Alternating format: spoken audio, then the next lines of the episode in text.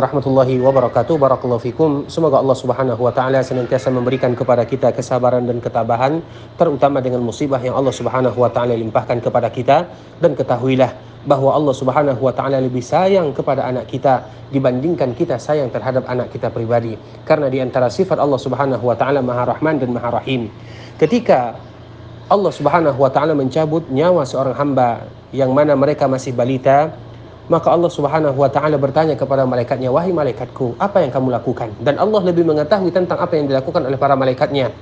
Maka malaikat tersebut menjawab, "Ya Allah, sesungguhnya kami mencabut buah hatinya, mencabut nyawa buah hatinya." Maka Allah kembali bertanya kepada malaikat tersebut, "Ya, hai malaikatku, apa yang mereka ucapkan?" "Ya Allah, sesungguhnya mereka mengucapkan Inna lillahi wa inna ilaihi raji'un."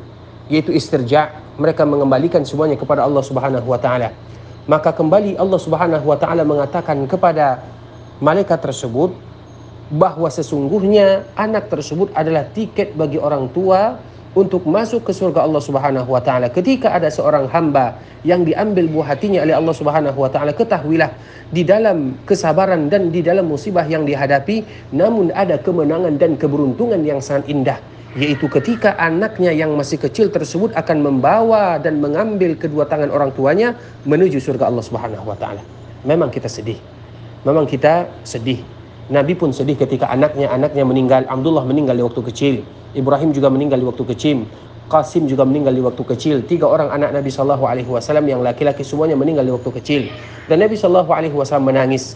Namun Nabi Shallallahu Alaihi Wasallam tetap bisa mengontrol dirinya karena Nabi tahu apabila seorang apabila seorang hamba diambil buah hatinya oleh Allah Subhanahu wa taala, Allah akan memberikan yang terbaik, yang terbaik dan yang terbaik. Bisa jadi di kemudian hari Allah memberikan kepadanya anak yang kedua dan yang seterusnya atau setelahnya yang mana itu merupakan pengganti daripada anak tersebut. Banyak rahasia Allah Subhanahu wa taala yang mana Allah Subhanahu wa taala menyebutkan Kemudian kita mengetahui ketika kita mendoakan anak kita tersebut padahal mereka belum memiliki dosa.